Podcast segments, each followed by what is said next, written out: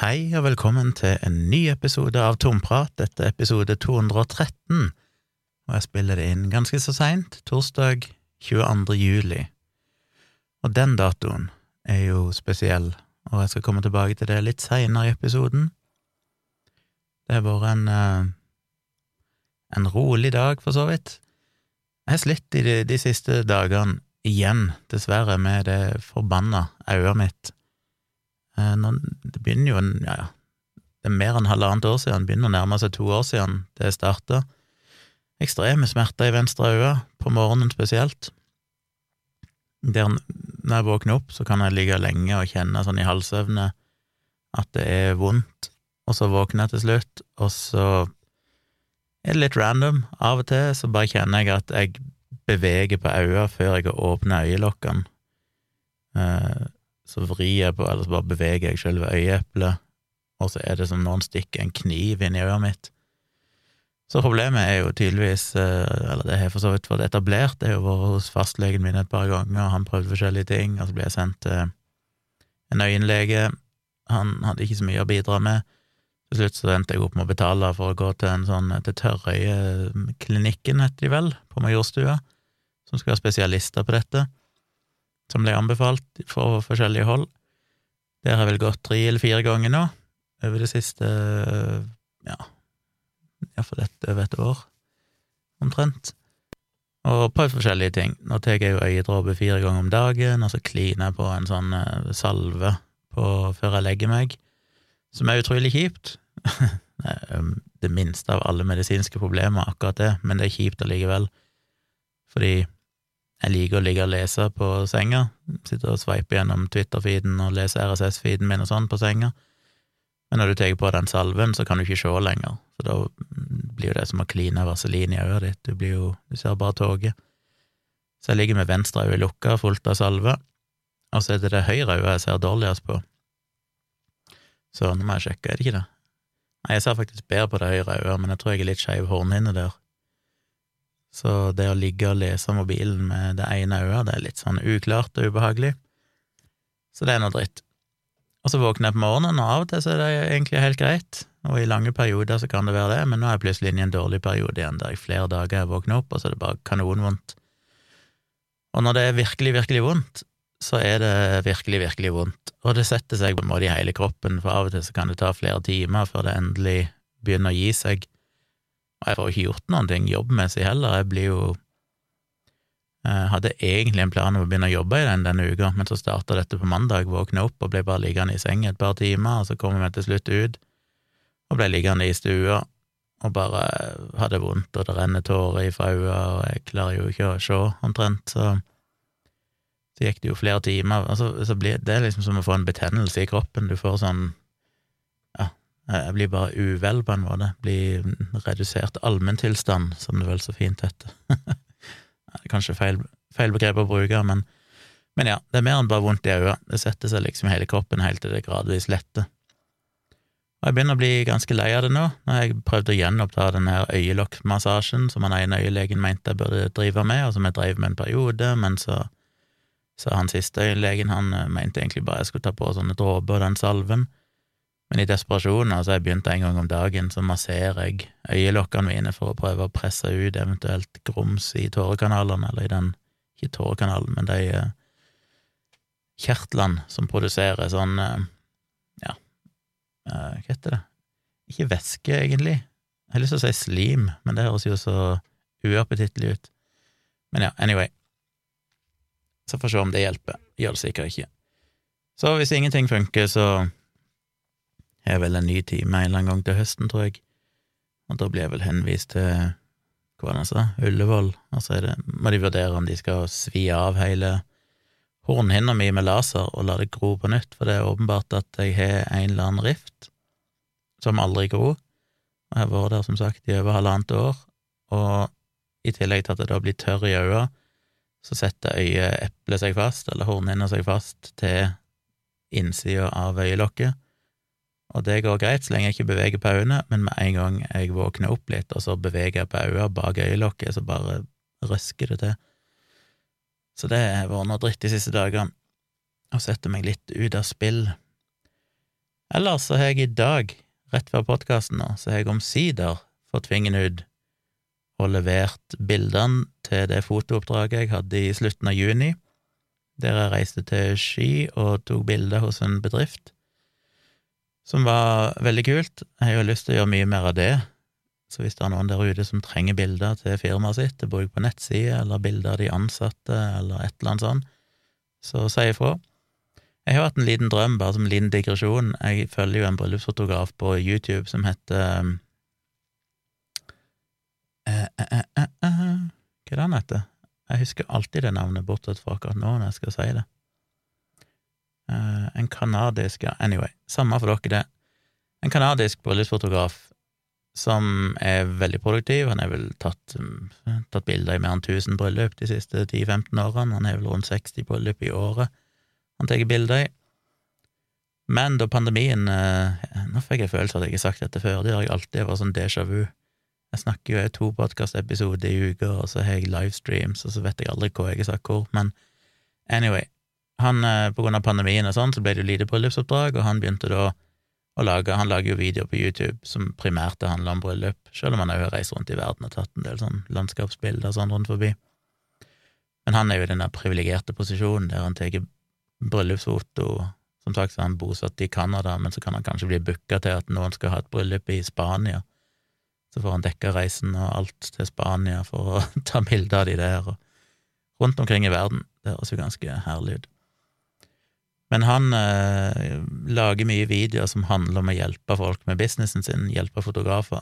Så da det ble litt sånn tørke på bryllup pga. pandemien, så lagde han en video der han blant annet han sjøl starta opp med å lage en sånn abonnementsordning til bedrifter. Pre, eh, primært eller spesifikt restauranter og kafeer og sånn i den byen han bor i, jeg husker ikke helt hvor han bor, om det er Toronto eller noe sånt, der han egentlig bare selger abonnement til de. Jeg tror han snakket om 500 dollar, så sier Norge da kanskje en 5000 kroner, for å komme en gang i måneden og ta oppdaterte bilder av nye retter, bilder de kan bruke til menyen, bilder av interiøret inn og ute og sånn og så leverer han en, en batch med bilder til dem. Så får de oppdaterte bilder en gang i måneden, og så koster det 5000 kroner i måneden. Det er jo klart, nå er han supereffektiv, så han gjør jo ting så fort. Um, for meg så hadde det sikkert ikke vært verdens beste business i starten, for jeg bruker altfor lang tid, men det er klart, hadde du fått ti restauranter i Oslo eller sånt og gjort det, så er det jo plutselig ei, ei grei lønn. Så det har jeg sittet og tenkt litt på, for det er noe jeg òg kunne gjort sånn i helger, uavhengig av den jobben jeg har.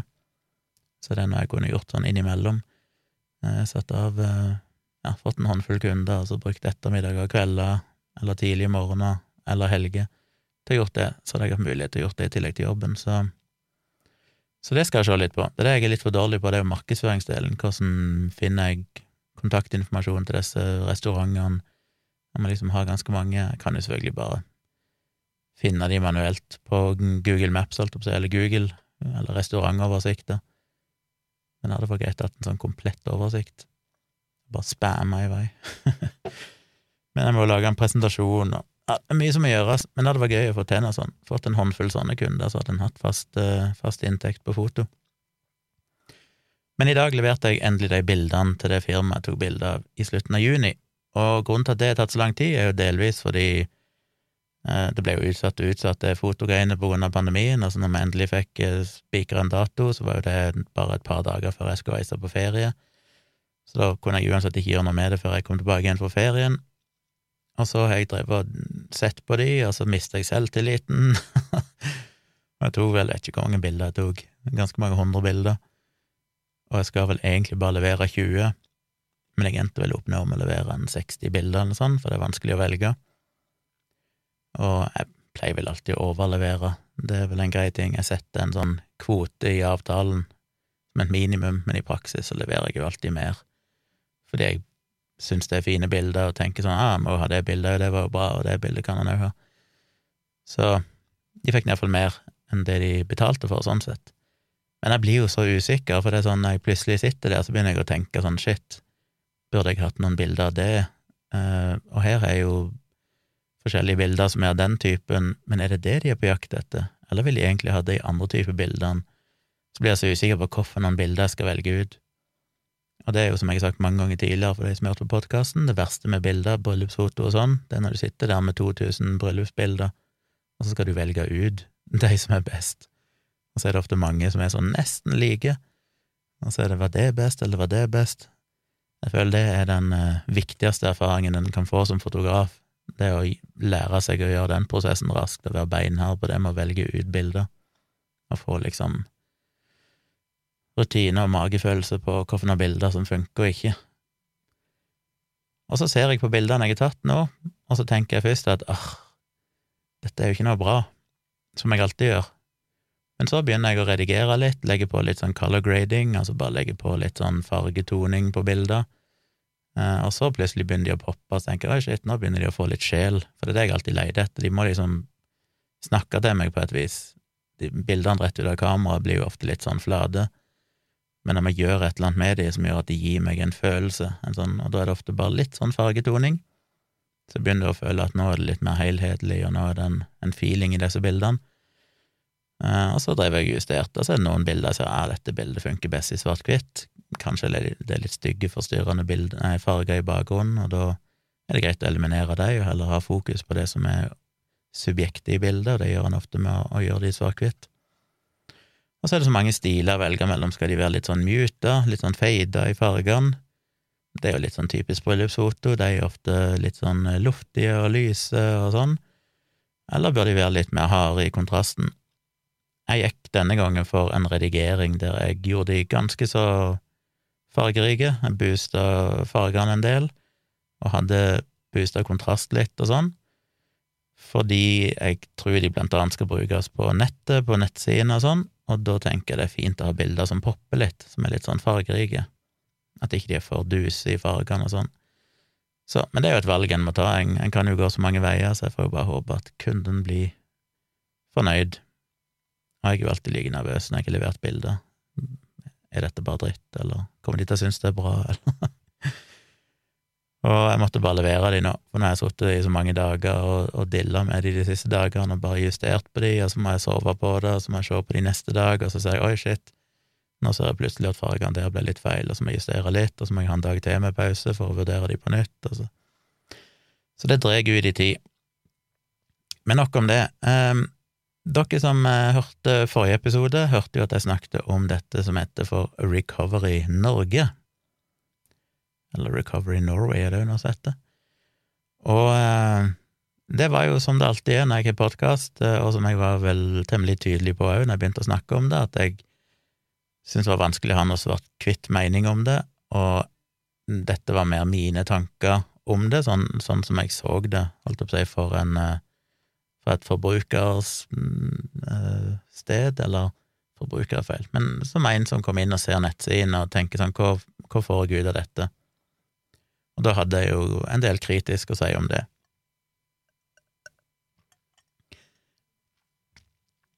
Men dagen etterpå, eller samme dagen vel som podkasten kom ut, så fikk jeg plutselig en telefon fra et ukjent nummer. Ikke skjult nummer, men bare et nummer som jeg ikke hadde i kontaktlista mi.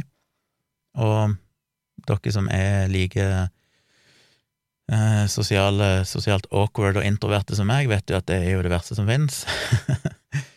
Men jeg eh, tok telefonen, fordi jeg vet jo aldri helt om det kan være noe jobbgreie, eller noe som faktisk er relevant, så jeg tok han. Og der var det da Henrik Vogt som presenterte seg, som jo er mannen eh, som egentlig er bak, står bak Recovery Norge-prosjektet, eller hva du skal kalle det. Og han eh, sa han hadde hørt eh, podkasten min. Han hadde jo tydeligvis da sikkert sett at folk hadde tvitra om det og sånn, og så han plukka opp oi, Altså hadde han sjekka ut podkasten og hørt det, og var vel naturlig nok ikke så veldig fornøyd med det han hørte. Eh, jeg skal ikke si så mye om den samtalen, vi hadde for så vidt en liten sånn fram og tilbake, og bare avklarte litt standpunkter, og så ble vi enige om at det mest fruktbare var sikkert at han ble med som gjest i en podkastepisode. Så det har vi planlagt. Han er på ferie akkurat nå, så det tar et par-tre uker før vi får det til, tre uker kanskje. Men sånn midten av august cirka, så satser jeg på å ha han med som gjest. Eh, så da går vi i studio og spiller inn den. Jeg har begynt å forberede meg. Jeg har lagra Jeg har jo fått mye informasjon fra dere som hører på, på mail og andre plasser, så jeg har lagra mye av det. Jeg har ikke rukket å sette uh, grundig på alt ennå, men jeg skal ta en skikkelig forberedelse før den dagen han skal være gjest. Så jeg vil gjerne høre fra folk, hvis dere har innspill i den sammenheng, ting jeg burde spørre om. Um, og da ønsker jeg for begge sidene, dette skal ikke være noe sånn uh, angrep på Recovery i Norge. Jeg har jo ytra meg kritisk om det, men jeg er fullstendig villig til å høre hva han her sier, og kanskje få et annet syn på det, et mer nyansert syn. Så jeg vil gjerne høre fra begge sidene. Eh, er det folk der som hører på, som syns at kritikken er urettferdig, så vil jeg gjerne høre gode argumenter for det. Eh, hvis det er noen som mener at det er legitime spørsmål å stille til dette prosjektet, så vil jeg gjerne ha gode argumenter, gjerne med dokumentasjon, gode poenger til det. Så send meg alt dere måtte ha i den anledning til mailen min, som er tompratpodkast at gmail.com.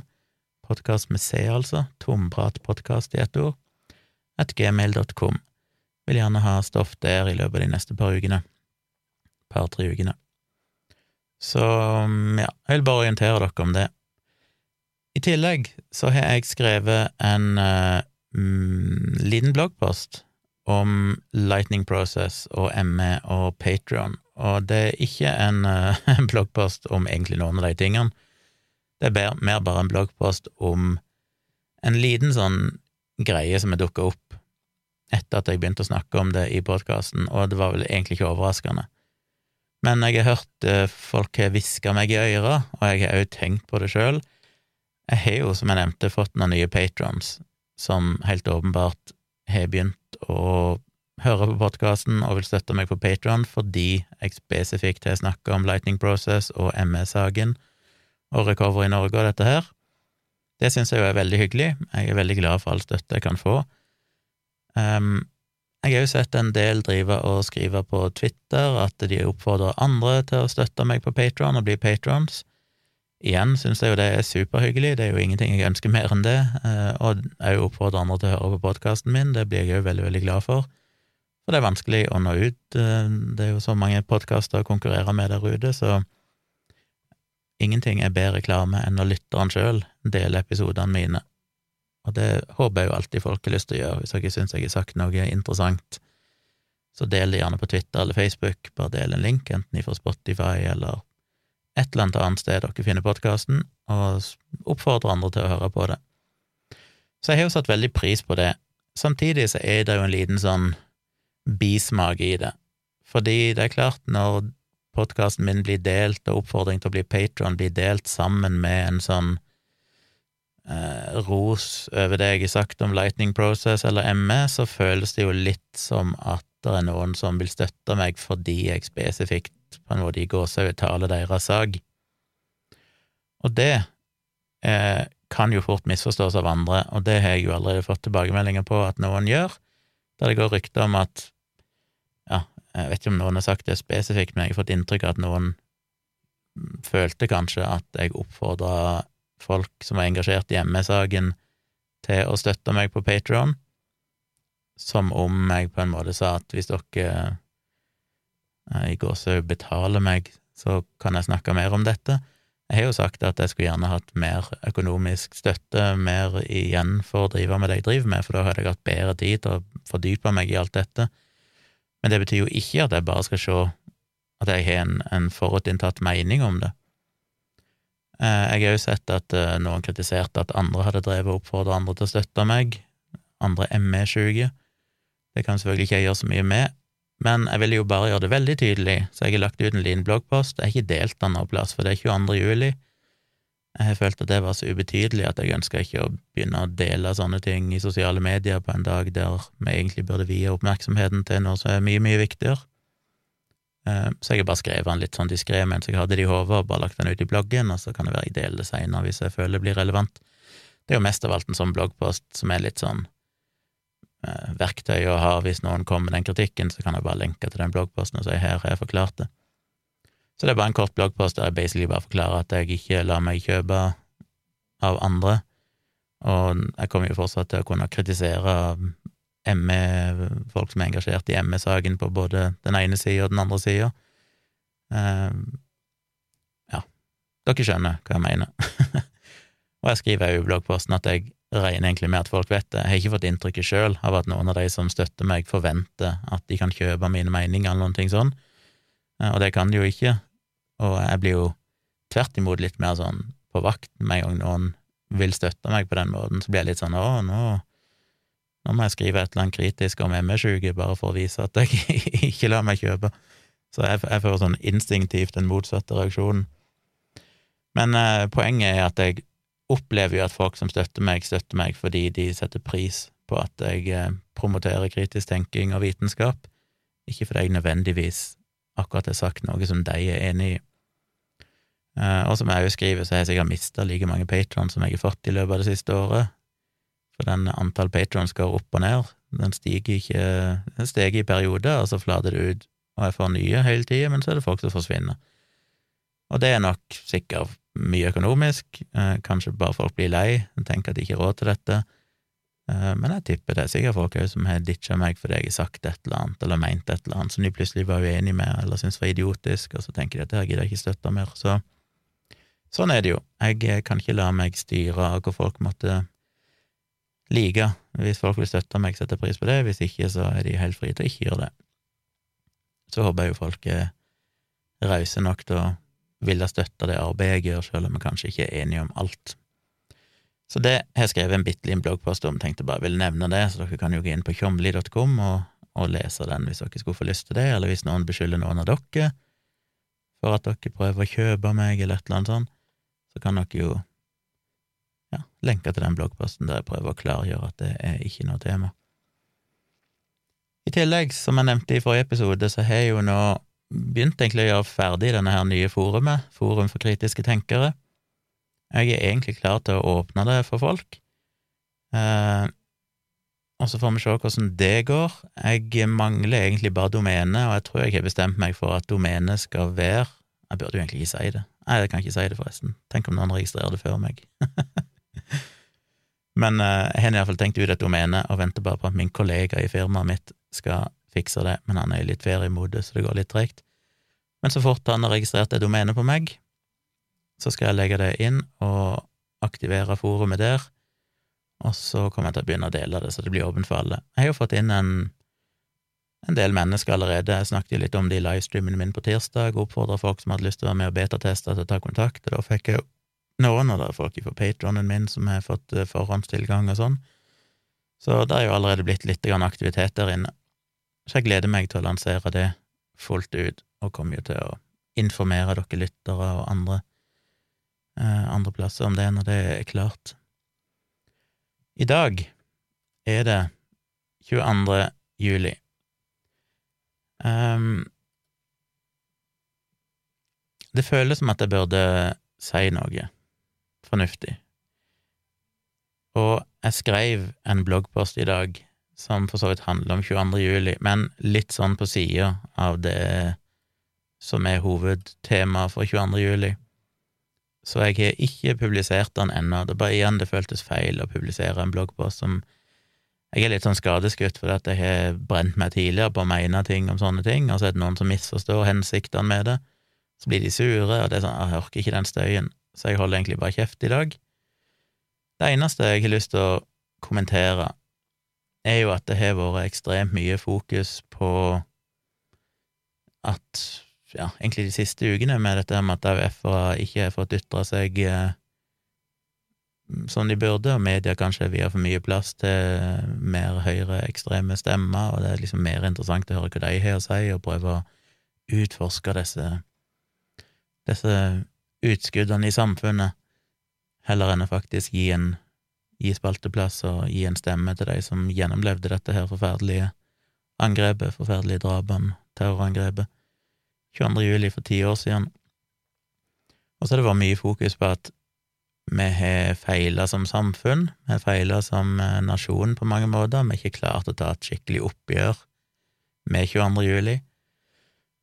Og det er jeg jo helt enig i. Jeg delte jo noen bilder her i går, noen screenshots fra en bloggpost jeg skrev på treårsmarkeringen, 22. juli 2014, der jeg skrev litt om akkurat det.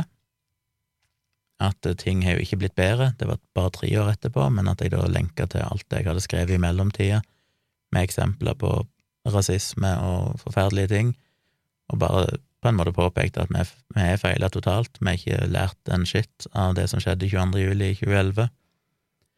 Og nå står vi her ti år seinere, ti år etter terrorangrepet, og basically sier det samme. Eh, så ja, jeg føler jo vi har feila.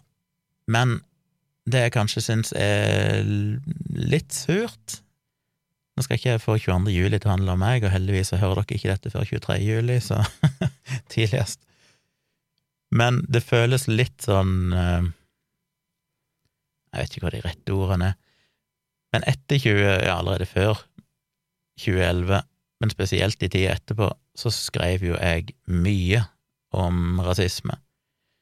Um, ja, trakk fram eksempler, kritiserte, hadde lange debatter med alltid fra Kjetil Rollnes til andre om uh, misbruk av statistikk rundt kriminalitet og innvandring, og jeg har skrevet utallige bloggposter om det, og virkelig brukt enormt med tid på å bekjempe rasistiske meninger, prøve å korrigere disse feiloppfatningene som er der ute.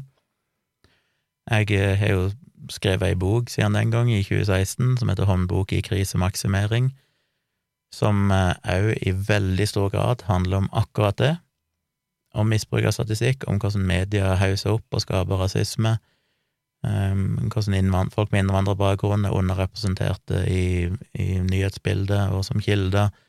Så mange ting. Jeg har altså brukt så mye tid på akkurat det, og så føles det litt som at det blir litt oversett. Det er liksom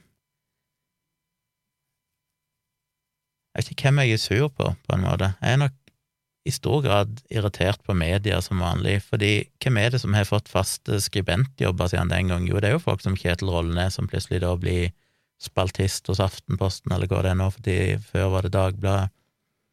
Altså, det den type folk som ender opp med å få skrive og få betalt skrivejobber, fordi de er på en måte mer interessante, de tør å utfordre det politisk korrekte. Og det syns jeg er frustrerende, fordi ja, vi kan snakke om eh, ytre høyre, høyreekstreme, vi kan snakke om eh, Breivik-sympatisører, som jo blir veldig ekstremt. Vi kan jo snakke om Frp og det tankegodset som ligger i bånn der, som det nesten ikke har vært lov å si, men som jeg har prøvd å si mange ganger, og fortsatt en dag i dag står for, at du kunne ikke hatt en Jeg tror ikke du kunne hatt en Breivik uten Frp. Det betyr jo ikke at Frp som parti, eller at Frp-velgere eller Frp-politikere generelt sett har noe som helst ansvar, selvfølgelig ikke, for det som skjedde, det var det jo kun Anders Breivik som hadde. Det var han som tok det valget om å faktisk gå ut og myrde 77 mennesker. Men eh, jeg tror det er vanskelig å komme til den plassen der du har en mannshaus eller Breivik, uten det kontinuerlige fokuset på problemet islam. Ja, du har jo selvfølgelig enda verre folk. Du har alliansen, som er helt grusom, men det eksisterte jo basically ikke tilbake i den tida. Eh, eller eksisterte vel ikke i det hele tatt. Du hadde jo demokratene allerede den gang, som jo var de verste, men de fikk i det minste stort sett bare motbør. Frp har jo klart å dra de holdningene og de meningene inn i i, den, i den, det normale, på en måte, i det som er lov å si og lov å skrive.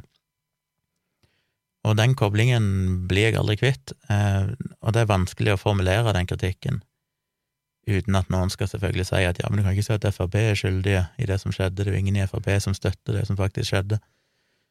Men igjen, det er jo det å bygge opp det rammeverket rundt, det å enable den type holdninger. Det er igjen, som jeg snakker om mange ganger, litt som Trump i USA. Nei, han er ikke skyldig i verken det ene eller andre direkte, men måten han snakker om, måten han omtaler muslimer, måten han omtaler meksikanere, innvandrere generelt sett til USA, som kommer fra andre kulturer, ser annerledes ut, har jo beviselig, og dette er det jo forskning og statistikker på, ført til økning i hat, uh, hatbasert vold og, og, den type ting i USA. Ganske markant økning i den perioden han, etter at han begynte å snakke sånn. Så det folk sier, har jo definitivt konsekvenser. Og det har jo jeg prøvd å rette fokus på i mange, mange år. Og konsekvensene for meg av det har jo vært at um, jeg har jo ikke tjent noe penger på det, jeg har ikke fått noe fast skrivejobb noe plass. Uh, tvert imot så har jeg fått enormt med hat. Jeg mener jeg sikkert får tusenvis av kommentarer i bloggen min, og tusenvis på tusenvis av kommentarer på Facebook og i sosiale medier med reinbarka hat, til dels trusler. Um, ikke bare til dels trusler, men rene drapsønsker fra folk. Det har vært så mye ubehag, og det har vært noen få som har støtta meg, men det har følt som at det har vært en enorm uvilje for å støtte det å stå i den stormen, òg for oss som ikke var involvert i eh, Ikke var på Utøya, som jo uansett selvfølgelig har en spesiell posisjon oppi dette, og som vi skal lytte til, men òg oss ute i periferien, som har prøvd å kjempe den kampen allerede i mange år før 2011, men òg spesielt i tid etterpå. Det føltes litt som en sånn ensom kamp, ikke fordi at jeg ikke vet det er mange som setter pris på det, og mange som støtter meg der ute, men jeg har fått så mye piss ifra den der Facebook-høyre-gjengen som gjorde at jeg til slutt var litt sånn dette her vet jeg ikke om jeg orker mer, og blei rett og slett litt, litt uh, eh, mista litt motet. Og det føler jeg kanskje jeg mangler litt i dag, en sånn liten uh, et lite nikk til meg som ikke var på Utøya, og som ikke har vært involvert i dette direkte, men som har brukt hundrevis på hundrevis av timer på å prøve å kjempe den kampen, som de nå, ti år etterpå, begynner å si at nei, men alle må engasjere seg mot rasisme, og vi kan ikke bare akseptere, vi må tale imot. Ja, jeg har brukt fuckings lang tid på det, og stort sett bare fått piss i retur, og endt opp med å ha så mange dårlige dager fordi jeg er blitt utsatt for så mye crap som er ekstremt ubehagelig. Så det er et eller annet galt, føler jeg, med samfunnet. Det er, det er liksom feil personer som media omfavner og, og løfter opp stadig vekk, føler jeg. Og jeg vet ikke helt hva en kan gjøre med det. Det er jo derfor jeg driver med denne podkasten og har min blogg og har mine livestreams, for det er litt sånn ja ja, jeg sitter iallfall her og driver med mine ting, og de som vil lytte til meg, de får gjøre det. Men det er, som jeg har sagt mange ganger, det er vanskelig å å nå virkelig ut, selv om de sitter politiske topper og alt dette her og etterlyser at flere må ta til motmæle, så, så fortsetter de å pøse et par millioner på Human Rights Service sin uh, hatske blogg årlig, mens vi som faktisk prøver å gjøre det som de etterlyser, har jo ikke fått ei krone i støtte, ikke fått noe oppmerksomhet, ikke blitt løftet opp på noen selvs måte. Og det er jo selvfølgelig ikke bare meg, jeg snakker fra mitt perspektiv, for jeg kjenner det jeg driver med mest. Men det er forferdelig mange andre, Øyvind Strømmen for eksempel, som har skrevet mye bøker om dette, ikke minst eh, Harald Klungtveit og Filter Nyheter og sånn. Det har jo vært noen som virkelig har jobba for dette og prøvd. Men, eh, men ja, så kanskje minst like mye som å oppfordre folk til å ta den kampen sjøl, så vet vi jo at jeg har jo ingen tro på at det kommer til å endre seg. Ja, det er masse fine ord i dag. Ingen flere som kommer til å gjøre noen ting. Har vi ikke klart det på ti år, så kommer ikke det til å endre seg nå. Men kanskje heller prøve å oppfordre folk til å gi støtte til de som faktisk har gjort den jobben, som har våget å stå i den stormen, som har tatt all den dritten som jeg har fått i flere år, som nesten har brutt meg fullstendig ned til tider. Um, det Jeg vet ikke helt hvordan jeg skal gjøre det, men dere som støtter meg eh, gjennom å høre på podkasten og, og, møte opp på livestreams og lese bloggen min, er nå iallfall setter jeg veldig pris på. Det er iallfall en eh, støtte som betyr noe for meg. Og enda bedre hvis dere vil dele ting jeg skriver og dele ting jeg gjør, så er jo iallfall det en støtte. Ja, jeg vet ikke hva jeg ville med det, det var et lite hjertesukk som bare jeg måtte få av hjertet, håper ikke det blir oppfatta feil. Men jeg har skrevet en bloggpost i dag, som jeg altså ikke er publisert, og jeg tenkte kanskje jeg skulle bare lese den, for jeg syns den er litt interessant. Det temaet jeg jo syns er superinteressant, som dere vet hvis dere har fulgt meg, og det er om hukommelse og falske minner. Så jeg skal lese bloggposten for dere, og så får jeg se om jeg publiserer den, eller om jeg bare tenker at æh, kanskje jeg ikke skal skrive noe om dette.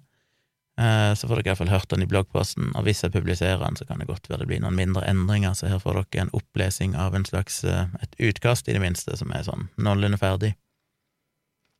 og den heter 22. juli og falske minner.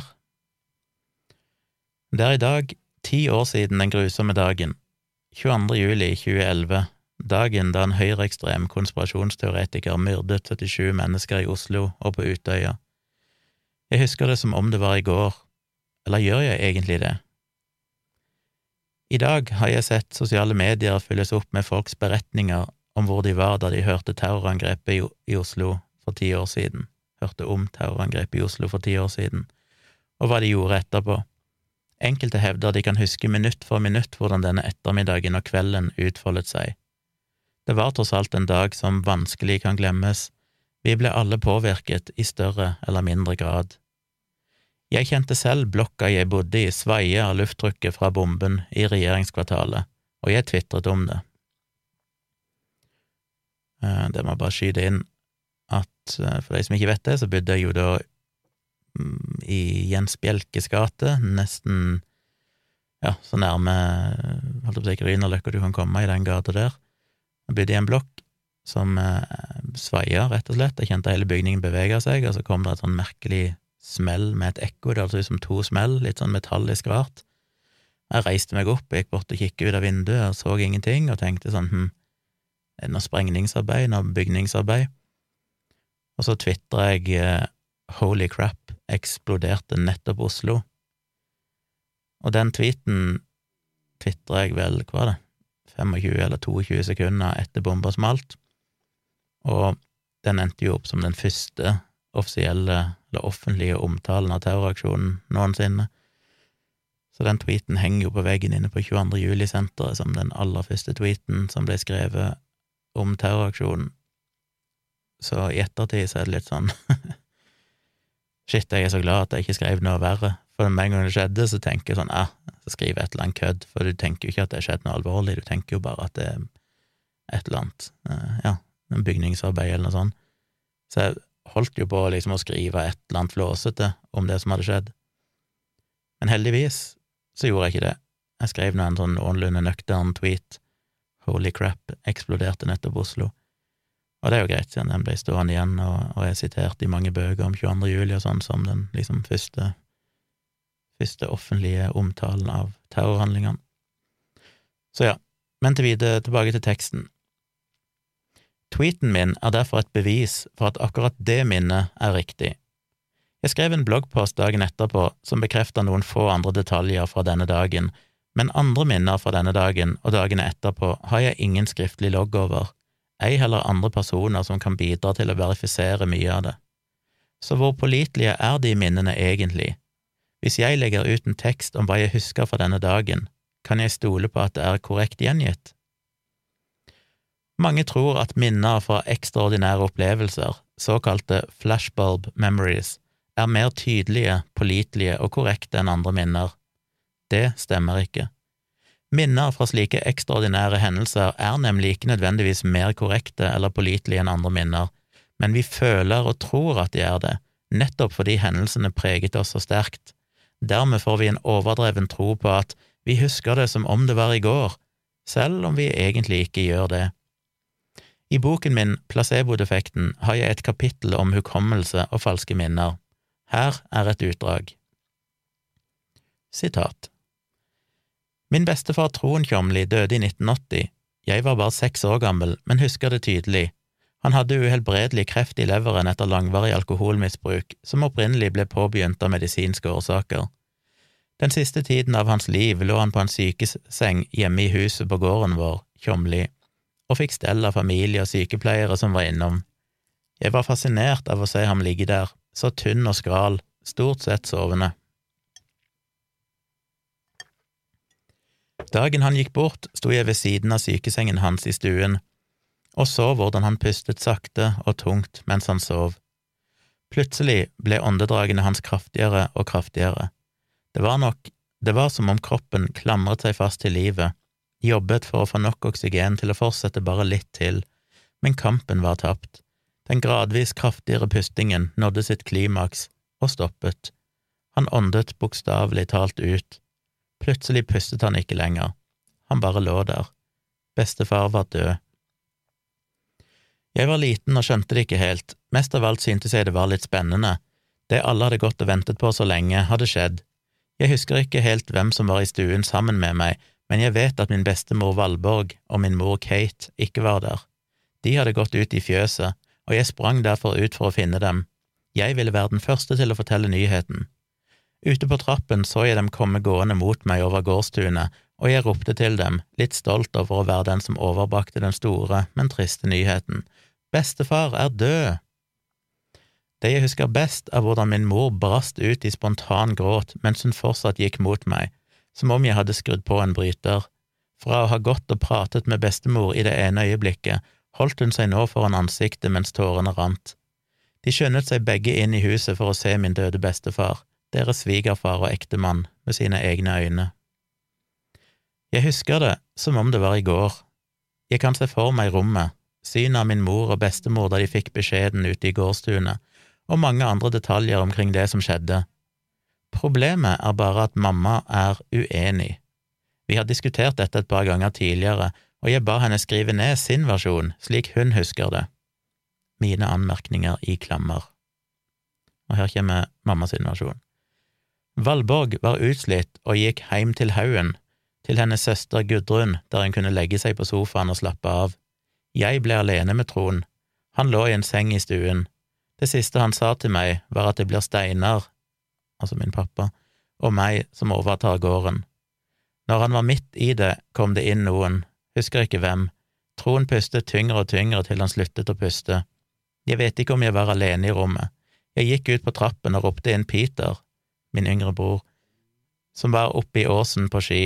Jeg husker ikke hvor Steinar, Robert, altså min eldre bror, eller du, altså meg, var.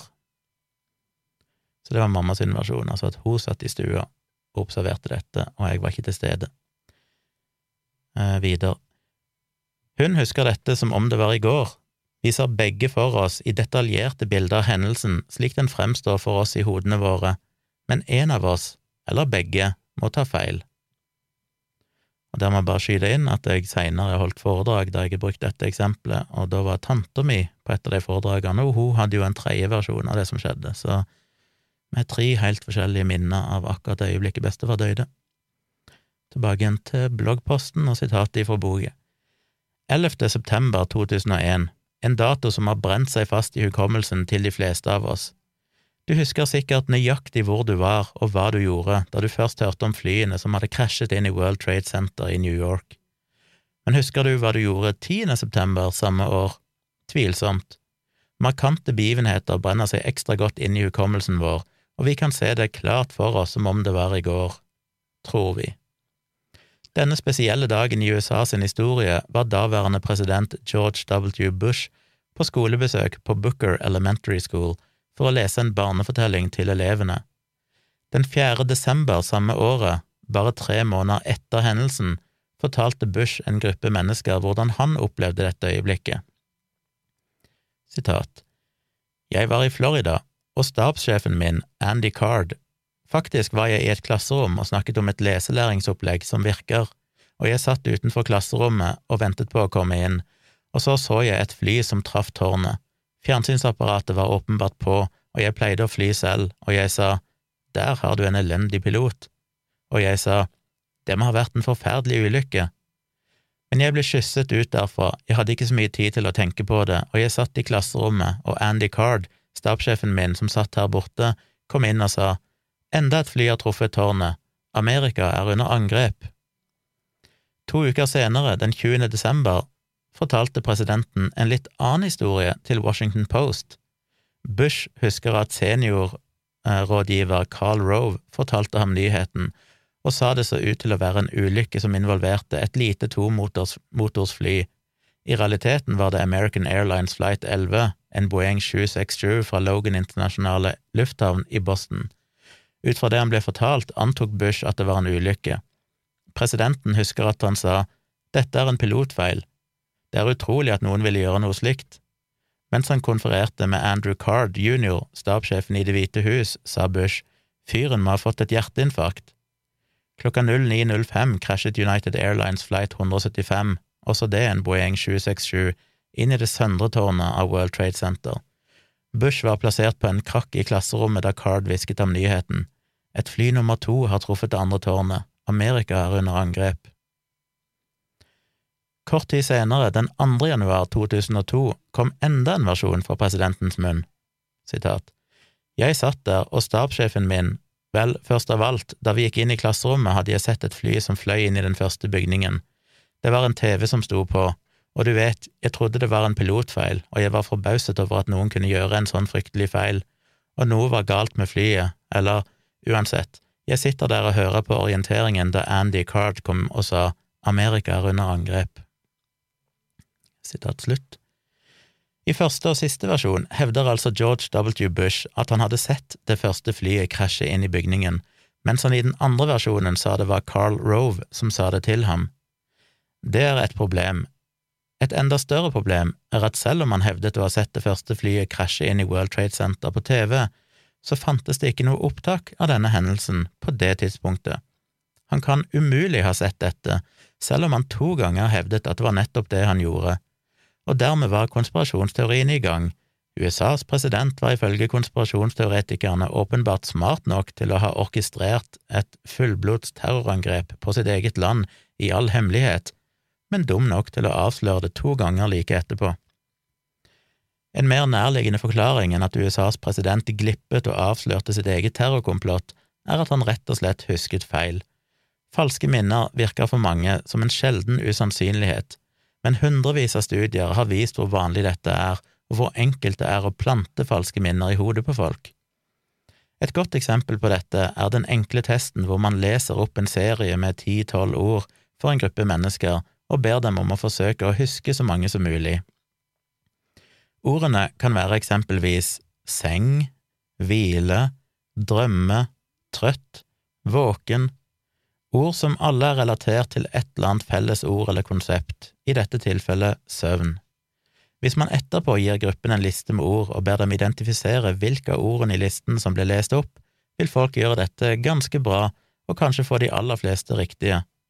Men om man inkluderer ordet søvn i denne listen, vil en stor del også påstå at dette var et av ordene som ble lest opp. Ja, disse personene vil ofte gå mye lenger enn å bare mene å huske at ordet ble lest opp, de vil ofte påstå at de helt tydelig kan høre for seg at ordet ble lest, eller spesifisere akkurat når i rekkefølgen av ord det dukket opp. Noen vil være fullstendig urokkelige i sin tro og vil påstå at oppleseren må lyve fordi de bare vet at ordet ble lest opp, de kan huske det og føle det som en helt virkelig opplevelse. En kjent forsker på temaet falske minner er den amerikanske psykologen Elisabeth Loftus. Sammen med sin kollega John Palmer utførte de et, et i ettertid klassisk forsøk hvor de ba en gruppe personer se en videosekvens av en bilulykke. Deretter ble disse personene bedt om å svare på en serie spørsmål om videoen de nettopp hadde sett. Et av spørsmålene pekte seg ut ved at halve gruppen ble spurt om hvor fort de estimerte at bilene kjørte da de traff hverandre, mens den andre gruppen ble spurt om hvor fort de trodde bilene gikk da de knuste inn i hverandre. Det ene ordet som var forskjellig, hadde en dramatisk effekt, selv om de fleste besvarte spørsmålet om fart korrekt, hevdet de som hadde fått spørsmålet med ordet knust, i større grad, at de også hadde sett knust bilglass i videoen, selv om ingen videobilder viste dette. I et enda mer dramatisk forsøk viser psykologene Ira Hyman og Joel Pentland hvordan de kunne plante et fullstendig falskt minne inn i hukommelsen til en del personer, de startet med å samle inn en liste over hendelser fra barndommen til disse forsøkspersonene fra deres foreldre. Så satte de seg ned og intervjuet dem om disse barndomsopplevelsene. Hver av forsøkspersonene ble også spurt om en fiktiv hendelse, hvor det ble hevdet at de en gang hadde veltet en punchbolle over en brud i et bryllup. Hvis de ikke kunne huske hendelsen med punchbollen, noe de fleste naturlig nok ikke kunne ettersom det, kunne ettersom det aldri skjedd, ble de bedt om å tenke på hendelsen og forsøke å visualisere den så godt de kunne. Da testpersonene ble intervjuet på nytt noen dager senere, sa rundt en fjerdedel av dem at de husket hendelsen med punchbollen.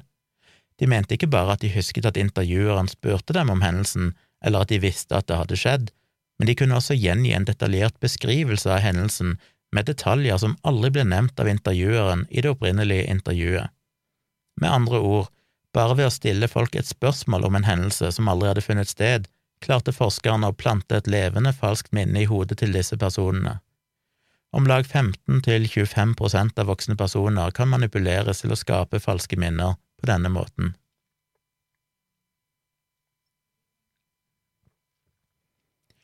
Det er gjort flere studier som tester personer etter at en stor hendelse har skjedd, for eksempel da romfergen Challenger eksploderte i 1986, eller tidligere nevnte 9-11.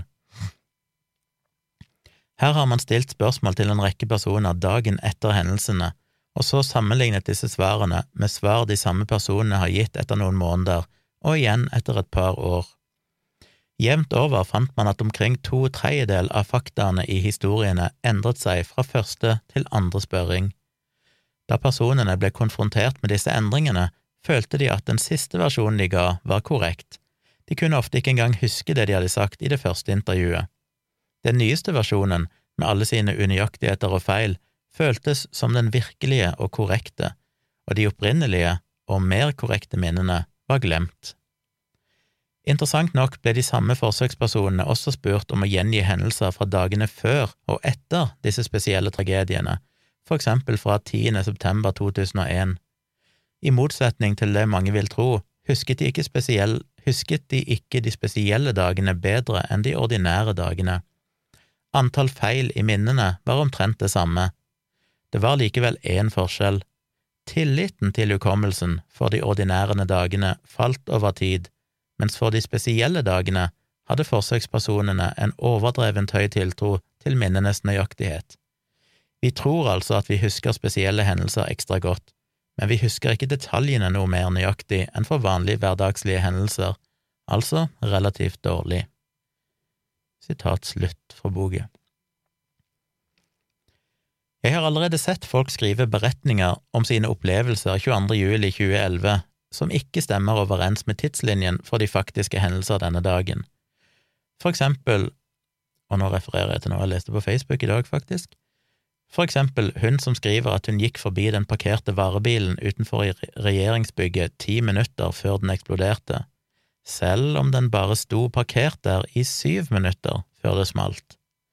Ok, en bagatell kanskje, men basert på resten av historien hennes om hvor hun var da bomben smalt, når hun forlot jobb, hvor kontoret hennes var, og tiden det tar å komme seg fra A til B til C, så henger ikke historien sammen.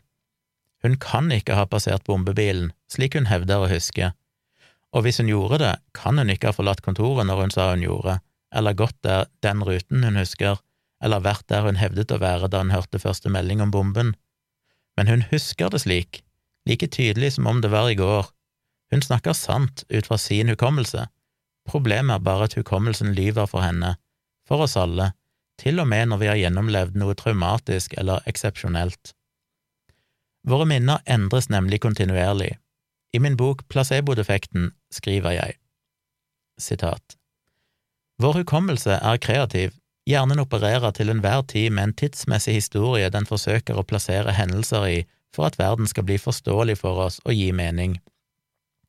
En slags tidslinje veves som edderkoppens spindeltråd bak oss, og hendelser klistres til den i en historisk serie av minner. Problemet er at disse hendelsene ikke nødvendigvis plasseres på hukommelsestråden der hvor de hører hjemme, altså i den rekkefølgen de virkelig skjedde. De plasseres derimot i en rekkefølge og med en tidsmessig avstand som gir oss mening, og som bygger opp under den historien vi ønsker å huske og tro på. Vi konstruerer aktivt den hukommelsen som passer inn med det verdensbildet vi har. Et fenomen som er blitt studert og testet ganske grundig, er det vi kaller temporal binding, en tidsmessig sammenkobling av hendelser hvor hjernen ofte lurer oss. To hendelser som skjer nært knyttet til hverandre i tid, oppleves som sammenkoblede. Vi trykker på en knapp, og sekunder senere åpner heisdøren seg. Det ene førte til det andre. Det gir oss mening. Dette er mye av forklaringen til post hoc ergopropter hoc-feilslutningen vi beskrev tidligere. Men i tillegg til at vi grupperer hendelser og tilordner dem årsaks- og virkningsforklaringer, så har vi også en tendens til å plassere slike hendelser nærmere hverandre i tid enn de egentlig var. Hvis vi tror at en hendelse er en årsak til noe, har vi en tendens til å huske at den skjedde senere, altså tidsmessig nærmere den etterfølgende hendelsen, enn hvis vi ser på hendelsen som isolert, og tilsvarende, hvis vi opplever at en hendelse som, som resultat av noe, så husker vi at den skjedde tidligere, altså nærmere årsaken, enn den egentlig gjorde. Vi har også et tematisk minne. Hendelser grupperes sammen og organiseres for å skape en historie som gir mening, og dette dominerer over, over, og dette dominerer over vårt tidsmessig korrekte minne. Hendelser tilordnes mening, og meningen av hver hendelse er en viktigere faktor for å organisere minner enn den tidsmessige faktor eller andre detaljer. Etter hvert som meningsinnholdet og vår historie endrer seg, endres også organiseringen av minner for å tilpasse seg denne historien. Minnet endrer seg altså hele tiden for å bygge opp under en historie som gir mening i nuet. De er ikke rigide eller tidsmessig korrekt organiserte for å nødvendigvis representere virkeligheten eller en presis historikk. Summen av dette er at hendelser vi tror er koblet sammen som årsak og virkning, huskes som nærmere hverandre i tid enn de egentlig var, fordi det gir mening.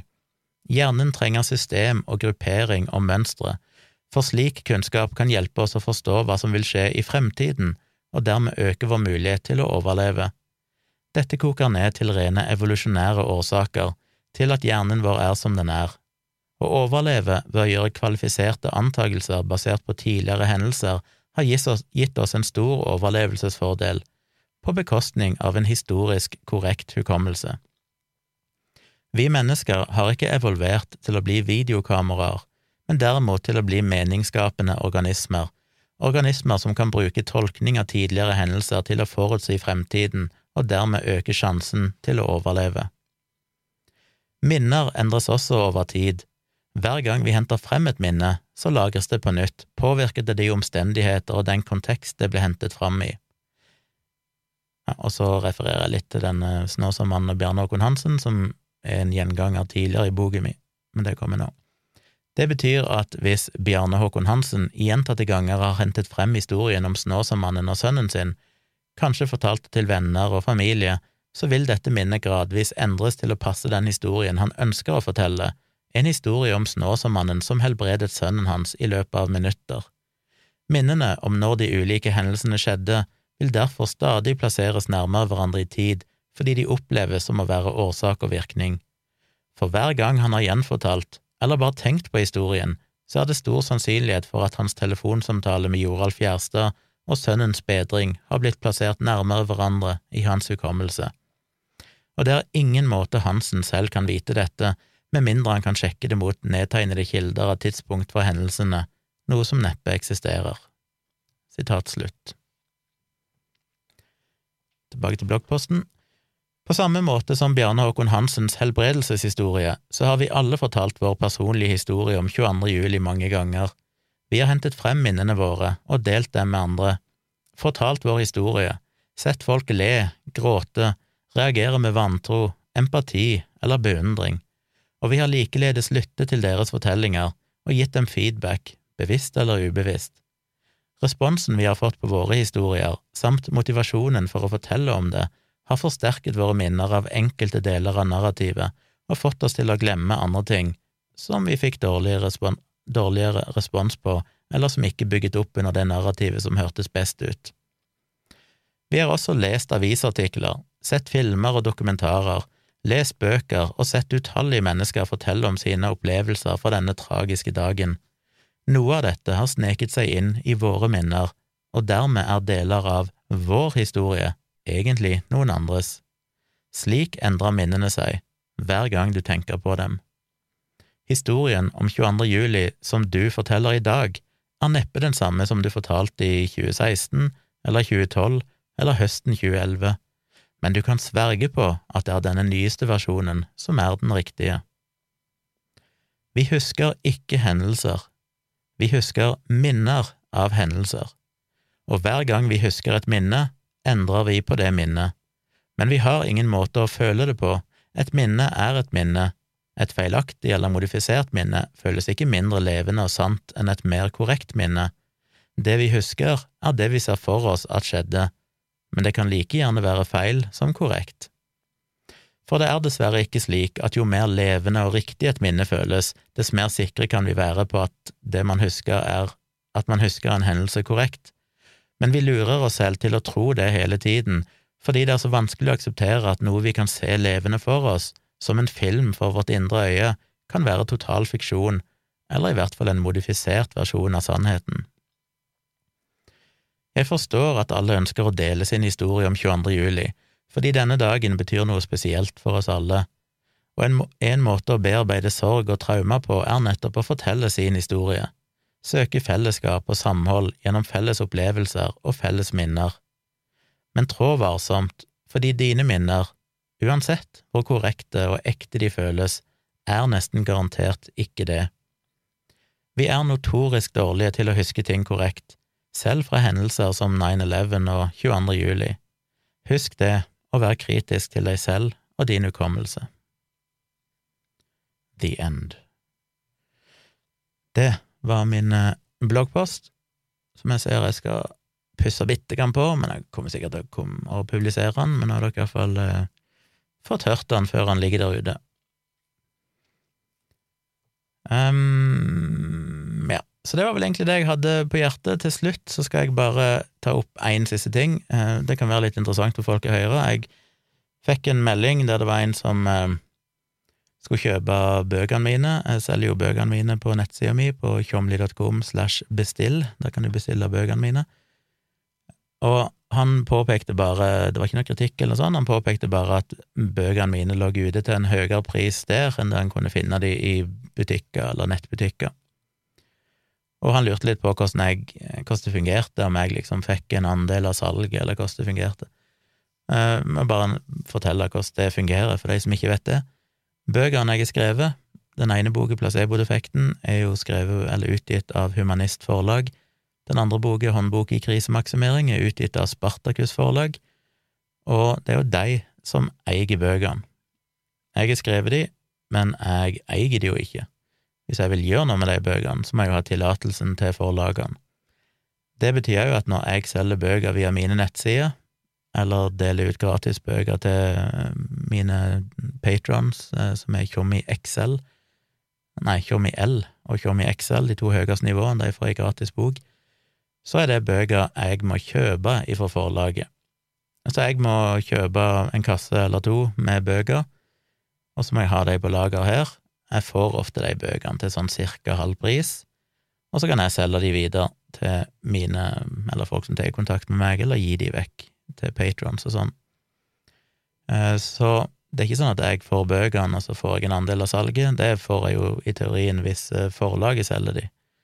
Da får jo jeg, hva er det, 13% som òg er, etter mitt syn, ganske latterlig. det er jo en stor debatt, men det er jo litt fascinerende at jeg er ja, det er ikke bare meg, det er jo standardavtale for forfattere, med mindre du er veldig kjent og kanskje kan forhandle deg til bedre avtaler. Så er jo standardavtalen 13% så jeg har skrevet hele boka, gjort basically hele arbeidet, men forlaget får da 87% av inntektene på alt salg i framtida. Eh, så sånn er det. Så jeg tjener vel teknisk sett bedre på å kjøpe de til halv pris og selge de sjøl.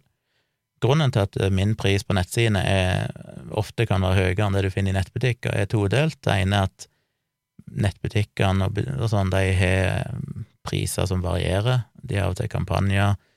Eh, jeg vet ikke hva som styrer prisene deres, men av og til etter en stund så selger de vel bøker billigere enn i starten og sånn. Altså de har en prismodell som handler om å ha en slags gjennom, gjennomtrekk av bøker.